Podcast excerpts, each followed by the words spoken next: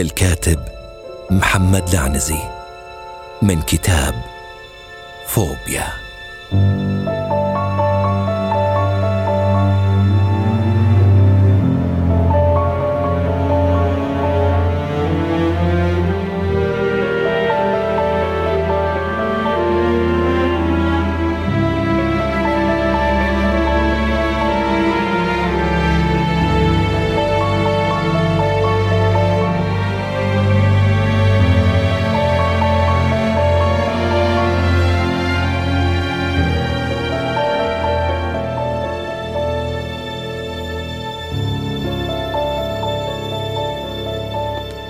دخلت عليه بوجهها الشاحب وهي تحمل حقيبة للكمبيوتر المحمول في يدها.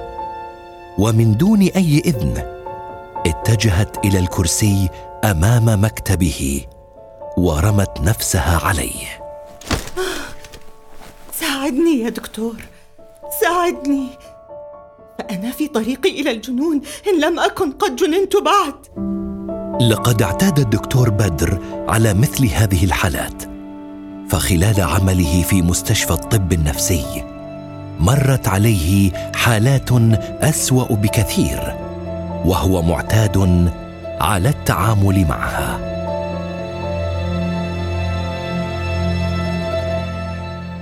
استريحي قليلا. أنا هنا لأساعدك. أنا لست مجنونة.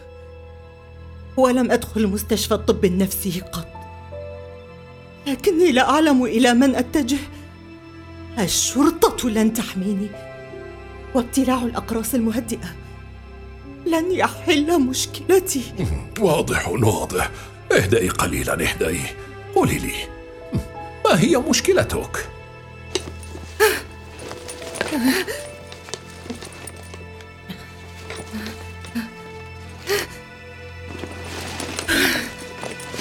مشكلتي. هنا.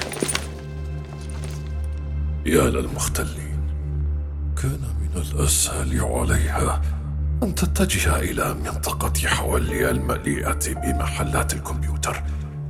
لتقوم بإصلاح جهازها أو لعمل فورمات سريع في حال واجهتها أي مشكلة تقنية. لا تعرف حلها كالعادة. لماذا تنظر إلي هكذا؟ المشكلة لا تتعلق بالكمبيوتر لكن التصوير موجود هنا. التصوير. نعم. اسمي ندى وأنا كباقي الفتيات في مثل عمري. أهوى تصوير نفسي. فجهازي لا أستخدمه إلا للمحادثة أو التعارف أو التصوير. فدائما ما أترك كاميرا الفيديو تعمل وأنا أستخدم الجهاز. وأحفظ بعض الملفات وألغي بعضها بين فترة وأخرى عندما أجد الوقت لمشاهدة التصوير كله. حسنا. وأين المشكلة؟ المشكلة هي أن خلال الثلاثة أيام الماضية لم أتمكن من مشاهدة جميع المقاطع لانشغالي بالدراسة. ولكني بدأت بمشاهدتها ليلة البارحة. عندها بدأت مشكلتي. بدأت بتشغيل أحد ملفات الفيديو الموجودة في جهازها وأدارت الشاشة نحوه. ما رأيك أن تشاهد بنفسك؟ ما هذا؟ الصورة لا تتحرك. انتظر! انتظر وسترى بنفسك. قبل أن يتم جملته شاهد ندى من خلال الفيديو تدخل غرفتها وتجلس أمام الجهاز وقد بدت منهمكة في الدردشة. تضحك تارة وتعقد حاجبيها تارة أخرى. ظلت ندى على هذا النحو ما يقارب الثلاث دقائق. حتى دخلت امرأة في العقد الثالث من عمرها. بدا عليها الضيق وهي تنظر إلى الفوضى في الغرفة وتخاطبها غاضبة.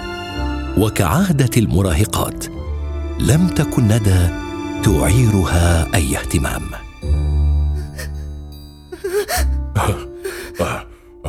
هي والدتك. نعم.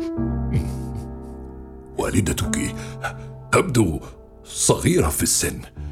إنك تشبهينها كثيرا دكتور دكتور هل يمكنك مشاهدة الفيديو كاملا قبل أن تعلق؟ حسنا حسنا يا آنسة. نشاهد الفيديو. وأعدك بأنني لن أقاطعك حتى النهاية. شغلت الفيديو مرة أخرى. كل شيء كان عاديا. تدخل الأم وتخرج غاضبة تاركة ندى وغرفتها بنفس الفوضى. تشغل ندى بعض الأغاني المزعجة وتقوم من كرسيها لتقف أمام الكاميرا في وسط الغرفة. وتبدأ بالرقص وهي تراقب جسدها الرشيق من خلال الشاشة. عندما دخلت الأم فجأة بدأت بالصراخ من خلفها وندى كانت منهمكة بالرقص وكأنها تقدم عرضا أمام جمهور لا تود أن تفسده بشجارها مع والدتها وبكل وقاحة. اتجهت نحو سماعة الصوت بجانب الكمبيوتر وقامت برفع الصوت عاليا حتى اختفى صوت أمها وسط الضوضاء وتابعت ترقص. فصرخت الأم بهستيريا عالية وهي تضرب رأسها بيديها وندى تتابع الرقص باستمتاع. وفجأة انهارت الأم وسقطت على الأرض. كان الدكتور بدر مذهولا مما يراه فعلى الرغم من تعامله مع العديد من المراهقين لم ير في حياته مراهقة بهذه القسوة على أمها لكنه لم يعلق واكتفى بمشاهدة ما يجري. ومن خلال الشاشة شاهد ندى وهي تتجه بضيق نحو باب غرفتها وتخرج منه تاركة أمها مغشيا عليها دون أن تبالي. هنا لم يتمالك الدكتور نفسه فالتفت إلى ندى. لم أرى في حياتي ابنة بهذه القسوة على أمها. ستشرحي لي القصة قبل أن أكمل مشاهدة الفيديو كاملا. لا يوجد ما أشرحه لك.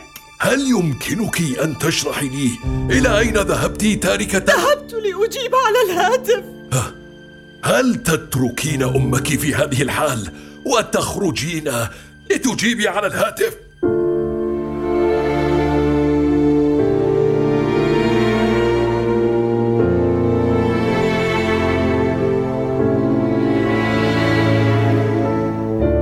كانت الموسيقى الصاخبة ما زالت تبث من الجهاز. عندما شاهد الأم تتحرك وهي تمسك برأسها وتتجه نحو الشاشة وتنظر إلى الكاميرا. لقد كان وجهها قريبا حيث يملأ الشاشة وهي تنظر مباشرة بعينيها الحمراوين اللتين أنهكهما البكاء في عدسة الكاميرا. وكأنها تنظر إليهما مباشرة. هنا غطت ندى وجهها بيديها وقالت وهي ترتجف دون أن تنظر إلى الشاشة. الأمر الذي لا تعرفه يا دكتور هو أني أعيش وحيدة في المنزل. وقد كنت لوحدي في الغرفة حينها. لم يكن أحد سواي هناك. لأن والدتي قد توفيت منذ عشر سنوات. قد أظهرت الكاميرا شبح والدتي وهي معي.